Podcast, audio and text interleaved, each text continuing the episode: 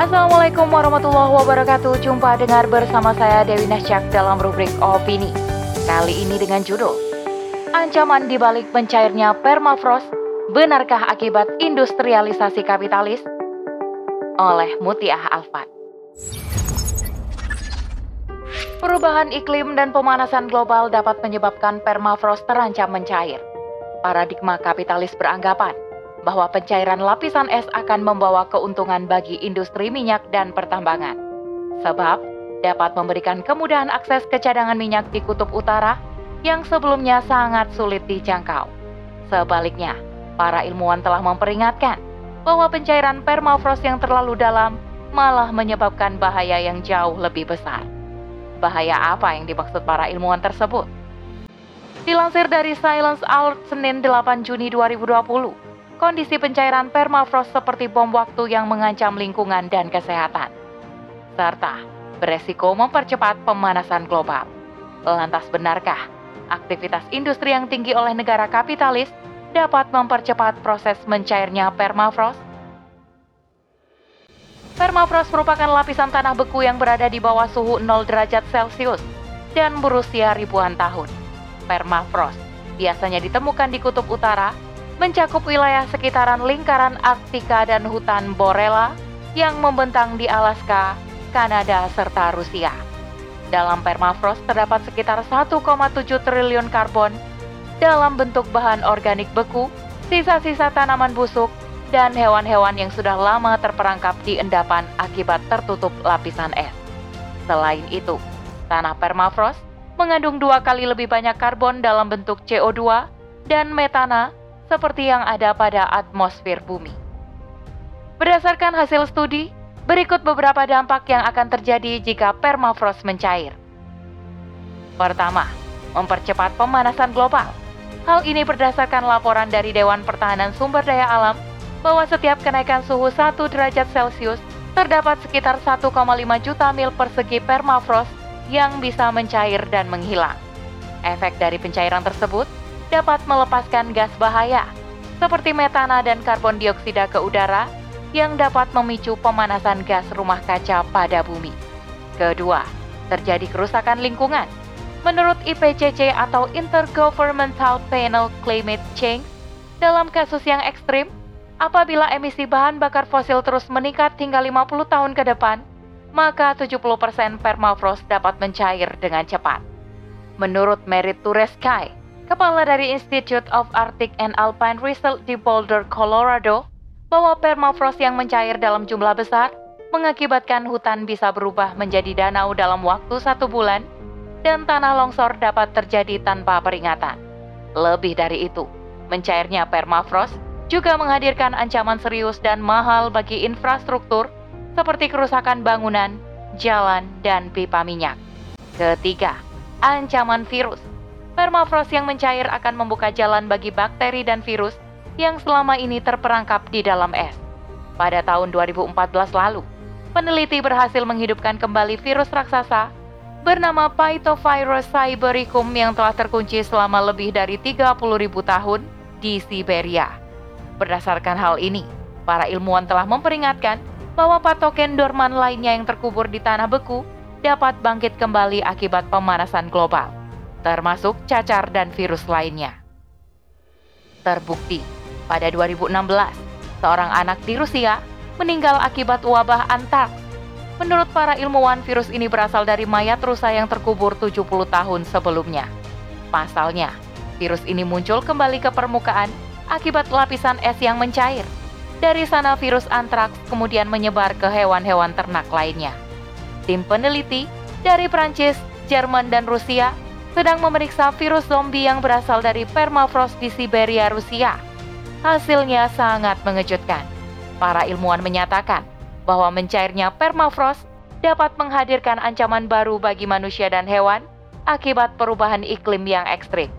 Berdasarkan hasil studi yang dipublikasikan BioReef, para peneliti telah menghidupkan kembali dan mengelompokkan 13 patogen berusia lebih dari 48.500 tahun yang diberi nama virus zombie. Meskipun penelitian ini masih dalam tahap pracetak, namun tim ilmuwan yang dipimpin oleh ahli mikrobiologi Jean Marie Olympic dari Pusat Penelitian Ilmiah Nasional Perancis menetapkan bahwa virus yang berusia 27.000 hingga 48.500 tahun ini berpotensi menimbulkan ancaman bagi kesehatan masyarakat dan hewan. Dapat disimpulkan bahwa permafrost kuno kemungkinan akan melepaskan virus yang tidak diketahui saat dicairkan dan dapat menular setelah terpapar kondisi luar ruangan. Namun, seberapa besar kemungkinan virus akan bertemu dengan menginfeksi inang serta seberapa menular virus ini setelah terpapar oksigen, panas, dan cahaya, hingga saat ini masih dibutuhkan penelitian lebih lanjut. Perubahan iklim secara ekstrim akibat efek gas rumah kaca menjadi alasan terjadinya pemanasan global. Kemudian, berimbas pada mencairnya permafrost. Salah satu penyebabnya adalah produksi emisi karbon oleh sejumlah negara kapitalis. China menyumbang sebesar 26,1 persen, dan menjadi negara dengan predikat pertama yang menyumbang emisi gas rumah kaca terbesar di dunia. Kemudian, Amerika Serikat menyumbang sebesar 12,67 persen gas rumah kaca. Selanjutnya, Uni Eropa menyumbang 7,52 persen emisi gas rumah kaca global. Tak bisa dimungkiri bahwa kerusakan lingkungan sering kali disebabkan oleh korporasi besar, illegal logging, oleh pengusaha kayu, aktivitas industri, pertambangan, dan alih fungsi hutan oleh perusahaan yang mendapat dukungan dari pemerintah. Terbukti, negara-negara kapitalis adalah penyumbang terbesar emisi karbon, namun mereka menolak mengurangi jumlah produksi industri dan terus mengeksploitasi sumber daya alam. Hal ini menunjukkan bukti bahwa negara-negara kapitalis begitu egois dan tidak mau memperhatikan generasi dan nasib bumi yang akan datang. Bila dicermati lebih dalam, memang ada keterkaitan antara kerusakan lingkungan dan pemanasan global dengan ulah negara kapitalis, yakni akibat ekonomi kapitalisme yang dianutnya. Ancaman mencairnya permafrost merupakan salah satu bukti kegagalan dan rusaknya ideologis kapitalis dalam menjaga lingkungan hidup yang diakibatkan kerakusan mereka untuk meraup keuntungan sebesar-besarnya. Lihat saja, banyak di negeri-negeri yang kaya sumber daya alam pasti akan mengalami pembodohan dan penjajahan, serta lingkungannya dirusak karena eksploitasi dan limbah. Para kapitalis bergerak di bawah payung hukum atas nama investasi dan legal. Kemudian, mereka mengeksploitasi bumi ini tanpa memperhatikan dampaknya. Walhasil, lingkungan menjadi rusak, rakyat menjadi korban, seolah tindakan eksploitasi mereka legal dan tak boleh dijegal. Sebab, kapitalis memandang bahwa kekayaan alam termasuk tambang, hutan, dan semua yang ada harus dikelola oleh individu atau swasta. Berawal dari sistem ekonomi yang kufur inilah, alat-alat produksi dan distribusi dalam rangka mencapai keuntungan sebesar-besarnya terjadi. Dan pada akhirnya kerusakan lingkungan tak bisa dihindari. Banyak orang menganggap bumi adalah benda mati, sehingga dianggap tak bisa merespons apa yang terjadi di atasnya. Tanggapan ini berbeda dengan syariat Islam yang menganggap bahwa setiap pelanggaran terhadap hukum Allah Subhanahu wa taala, baik di dalam legal maupun ilegal, semua itu akan menyebabkan kerusakan. Bukan hanya merusak masyarakat, namun juga merusak lingkungan dan bumi.